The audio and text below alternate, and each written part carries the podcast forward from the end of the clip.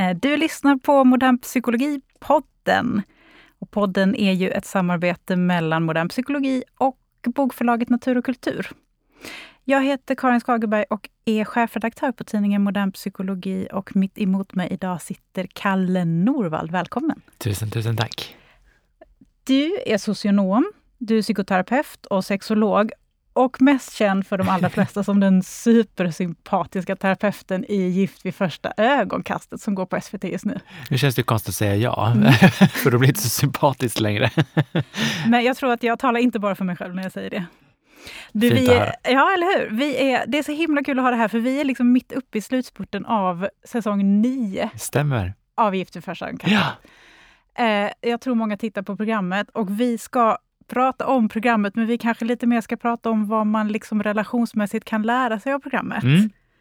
Eh, givetvis utan att spoila någonting för alla heads. Ja, jag skulle se sekretessavtalen vi signerar. De är tjocka. Vi får okay. inte säga någonting egentligen. Ja, vi hade Så inte vi... kunnat göra den som vi hade velat. Nej. Nej.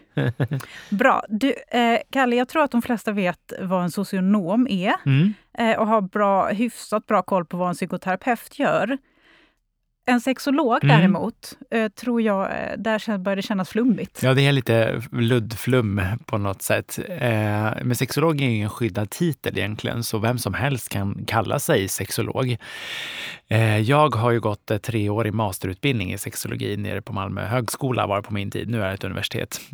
Och jag har också lyckats samla på mig kriterier, eller så säger man inte, samlat på mig erfarenheter och kunskap som har gjort att jag har fått en auktorisation av det nordiska eh, ja, det heter NACS, Nordic Association for Clinical Sexology. Eh, och det innebär att jag har läst mycket, jag har jobbat mycket och jag har förmedlat mycket som har gjort att jag får en auktorisation.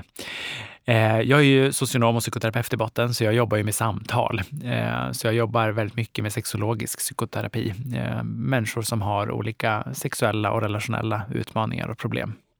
Men sen finns det ju sexologer som också jobbar inom medicin, alltså läkare, sjuksköterskor och så, som jobbar med mer sexualmedicinska delen. Okej, så den sexuella människan är stort. Mm, men precis. du är inriktad på relationer och samliv? Liksom. Ja, mm. precis så. Eh, ja, precis. Det är ju den kapaciteten du är här. Det är den kapaciteten som du är med i Gift vid första ögonkastet. Ja, bland annat. Ja, och du, där är du tillsammans med två andra experter. Ja. Och eh, Ja, för er som inte har sett programmet eller som ja, har råkat nu ligga bra. under en sten här de senaste åren. Eh, vad går det ut på? Eh, Gift första ögonkastet är ju ett tv-program på Sveriges Television eh, där vi matchar ihop ofrivilliga singlar till äktenskap där de då gifter sig vid första ögonkastet och sen har man numera fem veckor på sig att utforska relationen och se om det liksom är värt att fortsätta att arbeta med eller inte. Och ni matchar dem utifrån vilka kriterier då? Och jättemånga. Alltså vi är ju delvis då tre stycken terapeuter som jobbar eh, och pratar med deltagarna flera gånger innan. Alltså matchningsprocessen är ju, ja vad kan det ju nästan, det börjar närma sig ett halvår, så vi håller på ganska länge. Eh, och sen så vrider och vänder vi och knådar regeln så att säga, deltagarna. för att sen se, okej, okay, men hur skulle den här personen matcha ihop med den? Okej, okay, och så kopplat till det och sen kanske vi tar in en deltagare igen för att prata om just det, det här temat till exempel. Eh, och i bästa av världar så får vi fram en match som håller över tid. För det är det som de söker för att vela. Och ni gör intervjuer med alla deltagarna som vill vara med. Mm. Vad, vad tittar ni på för Tittar ni på personlighet? Tittar mm. ni på vad de själva vill ha eller inte bara? Eh, jo, absolut. Delvis får de ju presentera vad de vill ha och vissa deltagare har ju väldigt tydlig liksom, önskelista Eh, och då problematiserar vi det lite. Så här, hur, hur blir det här? Eh, att du är väldigt snäv i vad du vill ha och så söker du till det här programmet och vi har ju inte hela Sverige som kat katalog. Liksom. Eh, och hur har det gått för dig tidigare med att det har varit så snävt? Eh, och de säger att de inte har hittat någon, det är därför de söker. Och så frågar vi, okej, okay, så hur tror du att det kommer gå den här gången då? Eh, för att också hjälpa till att liksom, inte, inte slänga önskelistan, för det vore väldigt oetiskt, men att i alla fall bli medveten om vad en sån snäv ram ger. Men också å andra sidan, de som inte har några kriterier överhuvudtaget och bara, jag kan ta vad som helst. Okej, okay, men vad kan det leda till? Det kan ju leda till jättestora problem. Eh, och så håller vi på så här. Och jag tänkte, de har ju lyxen då att ha tre experter som liksom har synat dem från topp mm. till tå och sen parat ihop dem med någon annan mm. som ska matcha. Om man nu inte vill gå på nationell tv och gifta sig vid första ja. utan, utan själv är ofrivilligt singel som du sa. Ja. Eh, har du, eh, kan man använda lite samma metoder som ni använder? Vad kan man göra själv? Liksom? Jo, men det har jag verkligen fått feedback från många tittare som just eh, syn, synliggör det. Att när man har tittat på det här så har man kommit till, i kontakt med många känslor och tankar i sig själv där man säger, ja visst ja, men det här. Eh, man tittar på Eh, Arvid och Ida i årets säsong till exempel, som vi verkligen lyckades med attraktionen i matchningen. Då sa men det där längtar jag också efter, någon som bara tittar på mig och praktiskt taget blir kåt när man tittar på varandra. Okej, okay, ja men då behöver man liksom fundera kring, okej, okay, så vad gör en så pass upphetsad eller vad är det som gör en i relationen att man liksom får det här i sig. Eh, att man just ser goda exempel men också de sämre exemplen på konfliktsätt till exempel. Så där vill jag inte ha konflikter. Okej, okay, så vad kan jag göra i mig själv för att eh, förebygga att jag hamnar där till exempel. Så jobba lite med sig själv innan man går ut på jakt eller? Ja, alltså det finns ju någon föreställning om att vi ska älska oss själva innan man kan älska, älska någon annan och det är ju totalt eh, kobajs, om så att säga. Okay. Eh, utan det behöver man absolut inte göra. Eh, utan det, för jag menar att den inre resan i sig själv, den håller vi på med hela tiden. Det är ju, tycker vi att vi är färdiga, ja men då är vi ute på hal is. Utan vi, det är ju en inre process som pågår hela tiden. Men det är klart att det finns en fördel att i alla fall acceptera en själv eller tycka om sig själv, eh, då är det klart att det bygger större förutsättningar för att det ska hålla för att man i alla fall sätter ett värde på sig själv. Eh, men att tänka sig att man ska liksom vara klar som person, det är orimligt. Det var ju på ett sätt betryggande. Ja, eller hur? jag kanske säger det för att övertyga mig själv, jag vet inte. Vi ska gå in på dig sen ja, också. Okay, du, du berättade precis för mig att du, att du är gift själv, så jag tänker vi ska, vi ska prata om det lite sen. Ja. Men om vi fortsätter lite på spåret gift i första ögonkastet då. För yes. Du pratar om de här två som kände sån här omedelbar attraktion. Mm. Och det ser man ju i programmet. Och det har man ju sett genom säsongen också, mm. några som verkligen har... Men sen har man ju ändå fått reda på att det kanske inte har hållit för dem. Ja. Eh, efter programmet. Liksom. Yes. Och då eh, funderade jag på om det är det är ju lätt att tro att det här liksom är den här eh, förälskelsefasen mm. så att säga går över. Mm. Eh, kan vi prata lite om det? Ja, men det kan det ju vara. Alltså, jag menar förälskelse, jag brukar likna det lite som en psykos och inte då för att väldigt starkt liksom särskilja den medicinska psykosen, det är ju något annat. Men eh, Förälskelse och psykos handlar ju just om att man blir lite verklighetsfrånvänd. Att man blir så otroligt fokuserad på den här personen som man nu är förälskad i. Och då blir ju logiken inte riktigt närvarande alla gånger. Eh, och då är det inte så konstigt heller, oavsett om det är i ett tv-program eller utanför kameran, att det också ibland kan ta slut när man märker att förälskelsen dalar neråt. Eh, och så var det inte riktigt den här personen man trodde sig, eh, den man trodde sig ha framför sig, så var den inte där. Och då avslutar man. Och det är ju i sig inget konstigt. Du jobbar ju mycket med par i terapi. Mm. Um, hur länge brukar den här förälskelsefasen vara? Alltså på forskning så brukar man säga någonstans runt ett halvår. Ja. Eh, vi orkar liksom inte vara förälskade längre än så, för vi blir jättetrötta. Det vet vi alla som har varit förälskade en eller flera gånger, att vi blir ju jättetrötta. Det tar så mycket energi. Eh, och då är liksom våra psyken så pass bra eh, och tar hand om oss att vi faktiskt också går vidare i den känslan. I bästa av världar, ifall man är lagd åt det hållet, så blir det en fördjupad kärlek och en fördjupad relation. Och i andra världar så kommer insikten att det här är inte det jag vill ha. Och jag tänker de som är med i Gift i första ögonkastet, de är ändå, eh, ganska många verkar ju ha i alla fall siktet inställt på mm. att vara gifta sen och verkligen hitta en relation som håller under ja, jag skulle säga period. 100 procent. Ja, det är säga. det som ett giftermål innebär, åtminstone yes. så som vi pratar om det idag. Verkligen. Eh, men den här att, för, att relationen liksom ska fördjupas då. Mm. Um, vad kan man, kan man ha med sig några ingångsvärden där? Liksom? Vad ger ni dem för råd för att det ska funka efter förälskelsefasen? Ja, men delvis handlar det ju väldigt mycket om att komma till insikt om att konflikter inte är dåligt till exempel. Det är ju inte helt eh, ovanligt att man tänker sig att så, nu har jag hamnat i en konflikt, så måste vi göra slut. Eh, att man tror att konflikter liksom är ett kvitto på att relationen är dåligt. Och jag menar totalt tvärtom. Att konflikter är något som faktiskt gör våra relationer bättre. Att man vågar ge sig hän också i ilskan. Sen ska man inte slåss. Alltså våld är ju aldrig okej. Okay. Men att liksom eh, vädra sina åsikter och hamna i en sån här verbal konflikt, det är faktiskt bra ibland. För då lär vi också känna varandra utifrån det perspektivet och då blir det också en fördjupning. Sen om det är konflikter typ så 80 procent av tiden, ja då bör man ju ta ett steg tillbaka och fundera på varför kommunicerar vi så här med varandra? Och det kan ju vara många anledningar varför det är så. Att man är jättestressad hela tiden över livets stora och små saker. Eh, att man har någonstans kommit till en insikt av att man inte riktigt är kär i den här personen längre och försöker liksom göra eh, ett avvisande via konflikter.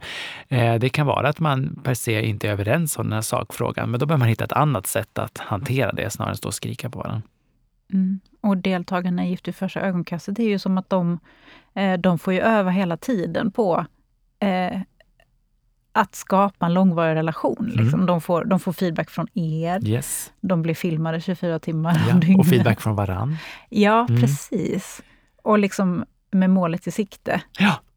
Um, för oss uh, andra som träffar någon, blir förälskade, mm är det viktigt att, att prata och kommunicera så där mycket som de gör hela tiden kring framtiden i början? Alltså, ja, nej och kanske, så typiskt psykoterapeutsvar. Men jag tänker att det finns ju eh, många positiva saker att prata om framtiden. För då behöver man ju säga, okej, okay, men vill du och jag samma sak med våra liv? Eh, eller i alla fall som påminner varandra, om varandra liksom ändå relativt mycket. Sen behöver man ju ha identiska mål, för det, man ska ju också fortsätta vara sin egen person, tycker jag.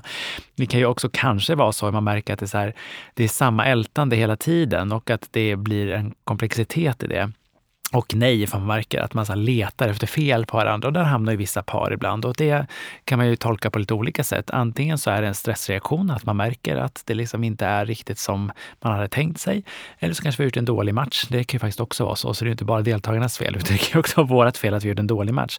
Eh, men det finns ju många anledningar. Och du pratar om att bråk också kan vara lite bra att leda framåt. Mm. Eh, för att man får syn på sig själv och sina mm. konflikter och sådär. Yep.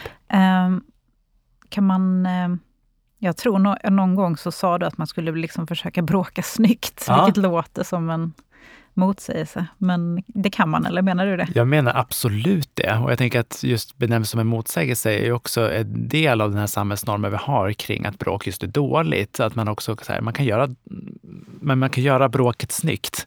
Eh, genom att typ, ja, men det är inte, delvis inte gå så här till personangrepp. Jag ska inte kalla dig fula ord om du och jag nu ska börja bråka till exempel. Eh, sen ska man ju alltid vara försiktig med sådana här alltid, aldrig formuleringar. Eh, att vara så här, du, är ju all, du gör alltid så här eller du gör aldrig så här. Eh, för, sen, för det gör jag ofta när jag har parterapi i, i, i, i verkliga livet, höll jag på att säga. Mm. Eh, så, så här, men när du säger alltid, är det 100 procent av gångerna som din partner gör så här? Och det är ju sällan. Utan man har just den känslan just då och därför att man gärna vill trycka till lite extra. Eh, och de där påtryckningarna är ju logiska, men de kan göra väldigt ont. Och då behöver man på något sätt bråka snyggare för att inte såra i onödan. I ett avsnitt som jag såg alldeles nyligen så sa du att det sällan handlar om sakfrågan när man bråkar. Ja. Sa jag sällan? Det Nej, kanske det jag gjorde. Jag kommer inte ihåg. Det var jag som hörde. Eftersom jag säger så mycket i det här programmet. Eh, jo, men eh, mitt, eh, det paret som jag hade huvudsakligt ansvaret då för det här året, nu blir det jättetråkigt för er lyssnare som inte sett programmet, men då är det ett par som hamnar i konflikt kring eh, vad de tror är en händelse med en bildörr. Eh, och då tänkte jag, eftersom jag hade en ganska nära relation till båda, eller har, så tänkte jag ju då att det här handlar nog inte om själva bildörren utan någonting annat. Eh, vilket vi kom fram till under det väldigt, väldigt långa samtalet vi hade när jag tog bilen ner till Kumla. Eh, ner sidan. Jag är inte så bra på geografi. Till Kumla, punkt. Mm. Eh, och så eh, märkte man ganska rappt när jag pratade med Karo och August var för sig först och sen tillsammans att det här handlar inte om en bildörr. Det handlar om liksom just eh, gränssättning och respekt. Eh, det handlar om lekfullhet och spontanitet. Eh, och då behövde vi, men det tog sig uttryck i den här bildörren när då August öppnade dörren när Karo körde bil och Karo blev väldigt rädd. Eh, och Karo, eh, August förstod inte Karos rädsla. Eh, och då pratade vi ju snarare om de andra värdena som låg bakom den här bildörren. Eh, och vissa bråk hamnar i att man fokuserar på sakfrågan. Men det är liksom saker bakom och tiden innan som det faktiskt kan handla om. Det är då det blir knepigt. Det kan verkligen bli knepigt, när man stirrar sig blint på sakfrågan när det handlar om annat. Mm. Då har vi inte alla en Kalle i våra liv som hoppar in och hjälper till. Nej, det är en av lyxarna i första ögonkastet. Man har mig, Maria och Fredrik att hoppa in när det brinner till. Mm. När ska man ta hjälp utifrån? i en parrelation? Alltså många jag möter söker ju lite för sent. Eh, att man, alltså några Tänk att det säger alla parterapeuter. Ja, och det säger ju något, tänker jag. Så där har vi någon liten sanning. Eh, det finns ju någon tanke om att människor ger upp sina relationer för snabbt och jag håller inte med, utan de kämpar ibland lite för länge. Och det kan ju låta oromantiskt att så här, ska jag då förespråka skilsmässa? Men vi ska ju också vara väldigt glada på att vi får skilja oss. Vi har ju provat oss fram i historien och också testat att inte få skilja oss och det var ju sådär för folkhälsan och framförallt heterosexuella kvinnor som drog nitlottar många gånger.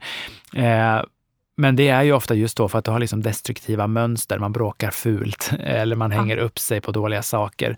Eh, och då har det, liksom det mönstret satt sig på ett sätt och då har man kanske sagt de här sakerna som är väldigt sårande och så etsar det sig fast i oss. Eh, det är något som sker eh, som kallas för internalisering, just att det blir också en del av vår egen självbild. Eh, och det blir lite klurigare då. Inte omöjligt, men klurigare. Okej, okay, så kanske våga, våga söka hjälp lite tidigare om man tror att det kan hjälpa en? Ja. Mm. Eller vara med i Gift vid första ögonkastet. Ja, det är ett annat alternativ. om man vill visa upp det för en miljon tittare. Ja, precis. um, andra vanliga problem svartsjuka?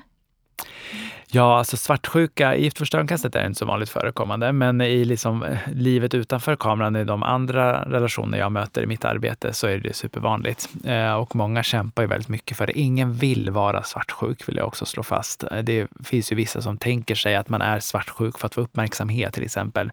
Men jag har i snart 20 år i det här yrket inte träffat en som bara, gud vad gött det att vara svartsjuk. Man mår väldigt, väldigt dåligt. Man vet många gånger också om att det här inte är bra.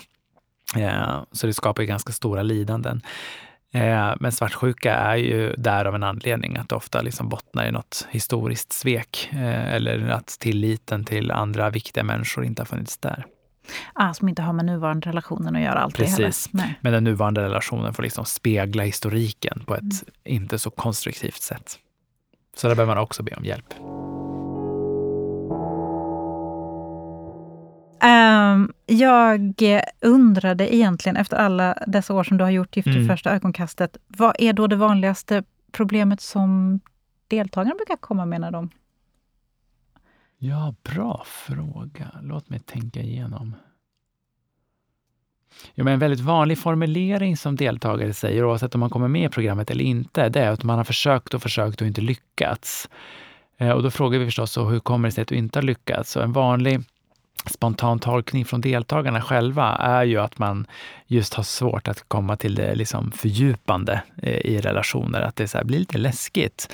Eh, eller att de man har varit tillsammans med och tycker det läskigt och så blir man lite frustrerad, eller jättefrustrerad, för att tala klarspråk, eh, av att man liksom inte kommer dit. Eh, och då är det ju ofta att man liksom, vi människor har en tendens att inte tycka om obehag, as we know. Mm. så när det uppstår, då springer vi. Eh, och det är ju inte helt ovanligt att det också sker i nära relationer, att nu kommer du och jag för nära. Jätteobehagligt, jag springer härifrån. Eh, och att det är en supervanlig anledning också varför man inte får relationer att fungera. Och det här sker ju otroligt omedvetet. Eh, och det är en fördel att vara med i sådana här typ av experiment, om vi ska försvara det, är ju att så här, här har man fem veckor numera eh, och då är det svårare att springa. Eh, utan då behöver man ransaka sig själv. Sen förstås, allt sker under samtycke i det här programmet. Det säger jag varje gång jag får chansen. Mm. Vi tvingar ju ingen att vara kvar i fem veckor. Det har vi ju sett historiskt sett, folk som har hoppat av eh, för att de inte har mått bra. Och det finns ingen poäng med att pusha sig till den nivå att man liksom mår piss. Nej, men eh, det kanske är lättare att göra när man har lite stöd och vet vad man har så är det och det säger mm. många deltagare. Just att så här, det har varit skönt att ha veta att man har liksom en av oss med ett sms-distans bara. Vad är då de vanligaste sakerna som paren bråkar om i Gift vid första ögonkastet? men ganska vanliga saker skulle jag säga när man lär känna varandra. Eh, att man liksom inte riktigt har samma humor. Det såg vi i senaste avsnittet mellan Ni, eh, Lina och Alex till exempel, med en humorbok där Lina tyckte att det var väldigt, eh, alltså inte så bra skämt, saker att skämta om till exempel. Och Alex hade bara ställt dem där och inte riktigt reflekterat över vilken bok han hade köpt. Eh, och att man så kommer underfund med värderingsfrågor. Ja, men det är väl rubriken, just att man har olika värderingar eh, kring olika saker. Eh, också kring hur man är framför kameran. Eh, att det blir förstås också något, för det är ju en jättekonstig situation. Det behöver vi komma ihåg, att de blir liksom filmade väldigt många timmar per dag. Eh, så det är liksom bara en fluga på väggen som står där med en kamera praktiskt taget. Ja, det tänker jag ganska ofta när jag tittar och säger, men gud vad de verkar nervösa. Sen bara, det är väl klart som fan att ja, de är nervösa. Det är, det är inget inte bara... underligt alls att man, man blir lite skakig. Det såg man mellan Fredrik och Stina till exempel i början, där att de var väldigt ovana med kameran. Såklart! Mm. Och så blev de på något konstigt sätt anklagade att vara tråkiga. Nej, nej, de var nervösa framför kameran. Hade inte du också varit det? liksom att det jag, blir, jag blir upprörd bara jag tänker på det. Men att det just är underligt att bara för att man syns på tv så blir man ett öppet mål för folks jättekonstiga åsikter. Mm. Och, och, lite går det igen, jag tänker det där är väldigt specifikt för den här typen av situation som de hamnar i. Mm. Och det är också väldigt generöst av dem att de delar med sig på det här sättet. Jag håller med. Eh, det är väldigt eh, kul och man lär sig mycket av att titta på det. Ja, alltså det, jag säger det, även det alla chanser jag får, att alla deltagare som är med i det här programmet, alltså de, jag har nog aldrig träffat modigare människor någonsin eh, och inte heller mer generösa som verkligen eh, öppnar upp om väldigt svåra själsliga sår de har haft och gått med länge, men också visar sitt arbete i det. Det är Alltså att jobba med det här programmet ger ju mig mer kunskap än alla de högskolepoäng jag har tagit. Eh, att man får lära sig så mycket av de här människorna och det är, det är jag väldigt tacksam för. Du pratar om värderingsfrågor som är ganska vanligt problem, både mm. i programmet men även för människor du träffar i terapi. Verkligen. Jag sa svartsjuka, det var för att eh, jag läste det i, du har skrivit en bok som ja. heter, nu ska vi se, den heter Tack, förlåt och skyll dig själv. Ja. Den kan man nästan inte droppa titeln på utan att förklara. Varför, varför heter den så? Eh, det är faktiskt min och min mans motto för varandra. Vi säger tack, förlåt och skyll dig själv. Alltså tack så mycket att du finns här för mig. Förlåt att jag ibland kan vara ganska jobbig, men skyll dig själv för du har ändå valt att vara med mig fortfarande. Eh, så vi använder liksom humor. Den sista handlar ju inte om så här, skyll dig själv. Du, jag tar in, alltså det handlar ju snarare om att ta ansvar också för sina egna val. Eh, och det är när jag pratar med min eh, förläggare om det. Så, men hur, hur, jag och Erik, min man Erik, vi har varit tillsammans väldigt länge. Vi har varit tillsammans i 17 år. Och det så frågade han så här, men hur, hur har ni liksom lyckats? Och då får man förstås definiera, vad betyder att lyckas? Men det, var inte, det svarade jag inte honom på, utan då sa jag så här, men vi använder oss av det mottot, tack, förlåt och skyll dig själv. Och då är han bara så här, där har vi titeln. Så det var, jag skrev utifrån ja, den är det. Jättebra. Ja. Den sammanfattar också ganska mycket vad boken handlar om. Det är liksom ja. en bok om relationer och ungefär eh, lite det vi pratar om idag. En annan sak som du skriver i den boken, mm eh, är att vardagsromantik är en urplockad diskmaskin. Ja, det är också hämtat från hemma hos oss. Ja, det kan jag tänka mig. Men just det här romantik, jag tycker det är så spännande begrepp. Att romantik betyder egentligen i dess definition en flykt ifrån vardagen. Eh, och det är ju väldigt spännande. Och eh, hur ens egna och mångas perspektiv och syn på romantik verkligen förändras. Vi tänker ofta liksom gå ut och käka middag med dukat bord och duk och blommor. Eh, Medan sen liksom ett, några år eller period in i relationen så handlar det kanske mer om att man plockar i riskmaskinen fast det är den andres tur till exempel. Ja, och du beskriver det som någonting ganska vackert. Ja. Um, Gift första ögonkastet, eh, vi var lite inne på det där när förälskelsen blir eh, något annat. Men vad händer sen då när det blir vardag? Mm. Det måste ju vara då folk kommer till dig och behöver terapi? Alltså både ja och nej. Det är delvis är det gift första ögonkastet är det väldigt många som längtar efter en vardag tillsammans med någon. Och jag tänker att det är en synonym till trygghet.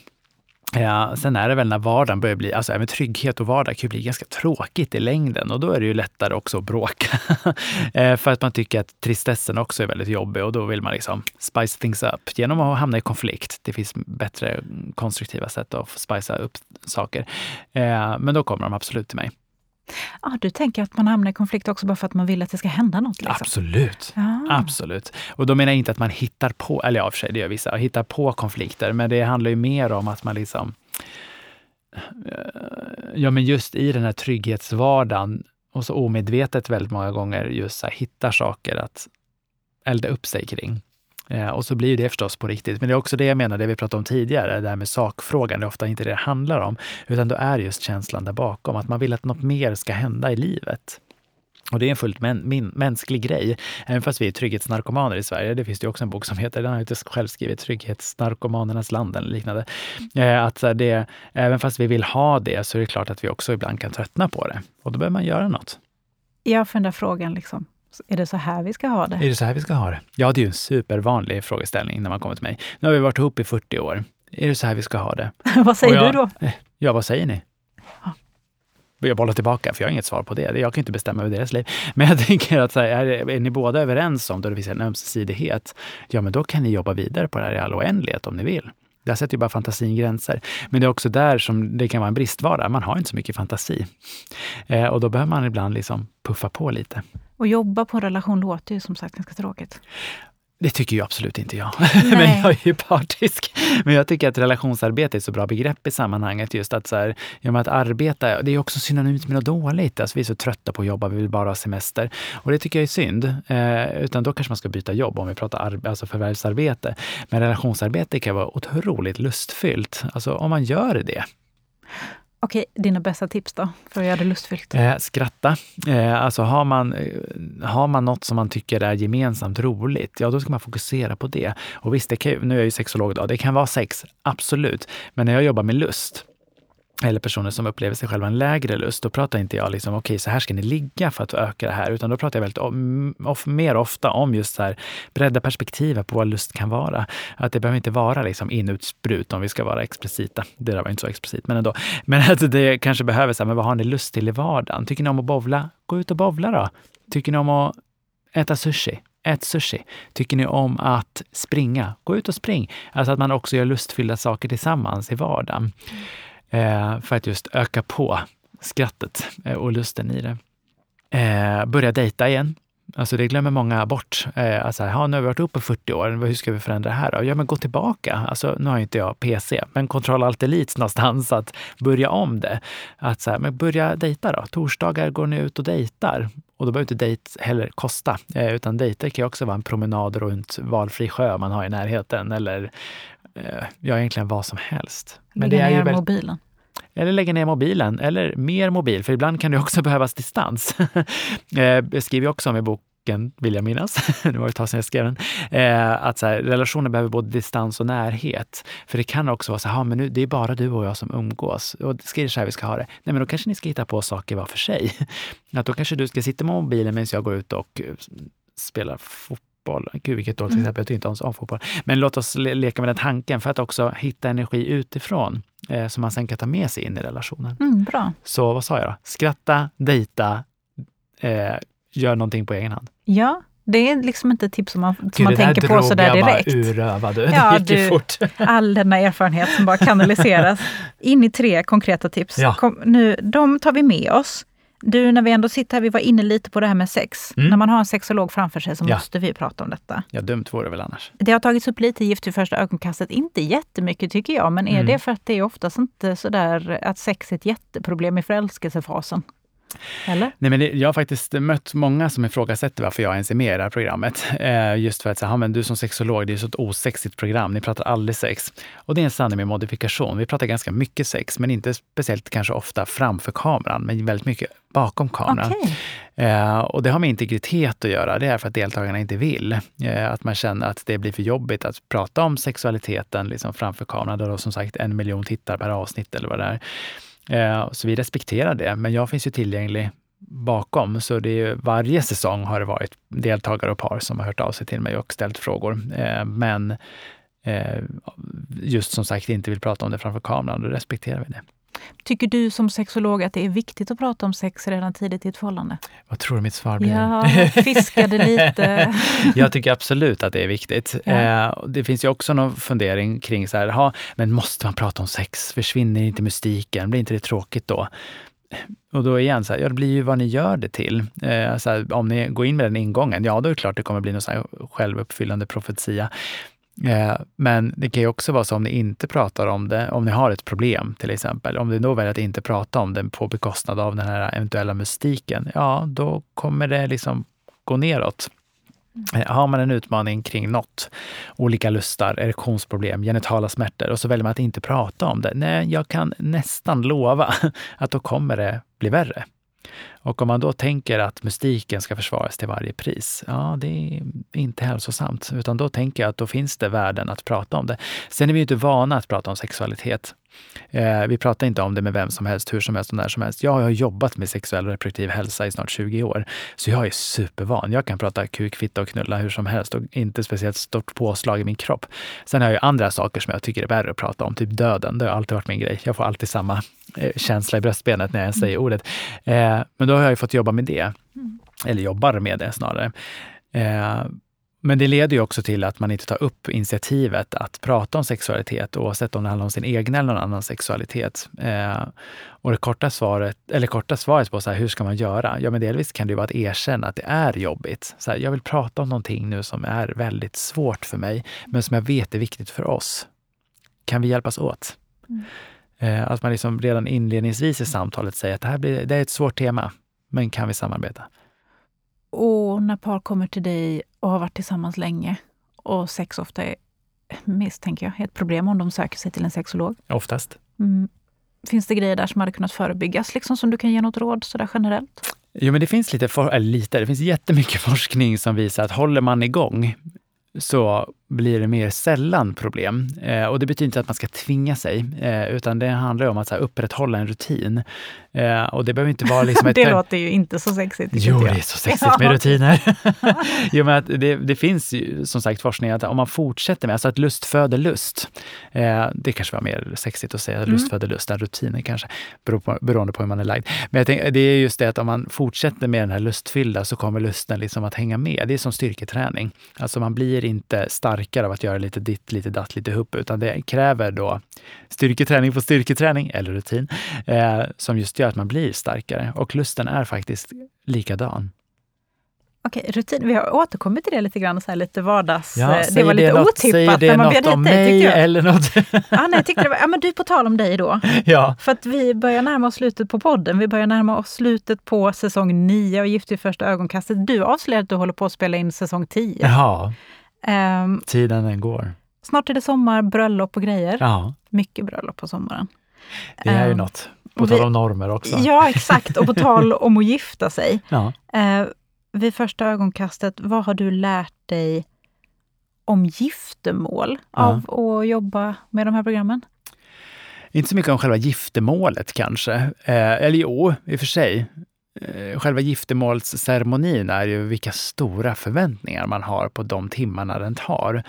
Eh, och eh, gud, jag är gift med själv så jag vet ju förväntningarna. Men jag är inte gift med, med någon vid första ögonkastet. Efter tio års giftermål. gifte oss. Men att det ändå är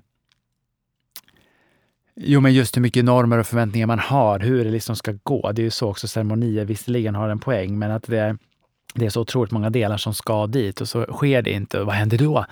Som i Karo August i årets säsong, när Karo inte ville dansa brudvalsen till exempel, eh, som de ju löste skitbra eh, och som de också pratade sen om. Och sen dansade de ju ändå på sitt sätt. Och det var så fint att se. Men att liksom, eh, just hur stora förväntningar vi har. Sen om vi liksom ska prata om relationer per se då, vad jag lärt mig av det? Ja, men delvis att det är svårt. Eh, relationer kräver arbete, relationsarbete. Eh, och att det är ingenting vi liksom bara lär oss, oavsett hur många högskolepoäng man har till exempel. Dit jag själv då, jag har lite för många. Men så eh, kräver ändå ett arbete. Eh, och oavsett hur mycket rationellt vi vet så är känslan kanske något annat. Mycket praktik. Ja. ja och du är själv gift sedan mm. hur många år tillbaks? Vi firar vår nioåriga bröllopsdag här i sommar. För vi gifte oss också förstås på sommaren. Givetvis. Du är så traditionsbunden ja, och enligt så. normer. Ja, uh, um, vad har du lärt dig av ditt eget äktenskap? Då var jag... men det här, jag har fått den frågan förut och jag svarade spontant då. Jag kan göra det nu med, det är i och för sig samma svar. Och det kan ju låta illa, men jag har faktiskt lärt mig också att jag klarar mig själv. Eh, och det ska verkligen min man ha mycket cred för. Eh, jag var en ganska dålig singel på den tiden jag var det. Och jag lärde mig av honom också att jag klarar mig sen vill jag inte vara utan honom fortfarande to this day. Men jag vet att om vi någon gång skulle separera så kommer jag överleva och jag kommer klara mig väldigt bra. Ett otippat men väldigt fint svar. Mm. Kalle, tusen tack för att du kom. Jag ska tipsa återigen om din bok med den roliga titeln Tack, förlåt och skyll dig själv för den som vill ha mer relationstips. Eh, Gift vid första ögonkastet är några avsnitt kvar på säsong 9. Titta på det. Och du har skrivit en jättefin essä om sommar och relationer i Modern Psykologi sommarnummer som finns ute nu också. Det har jag. Tack för det och tack för att du kom hit. Tusen, tusen tack för inbjudan.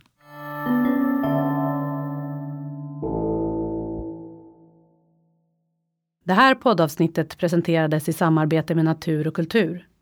Vi är en oberoende stiftelse som förutom att inspirera till läsande och lärande också stärker röster i det demokratiska samtalet genom priser, stipendier och stöd.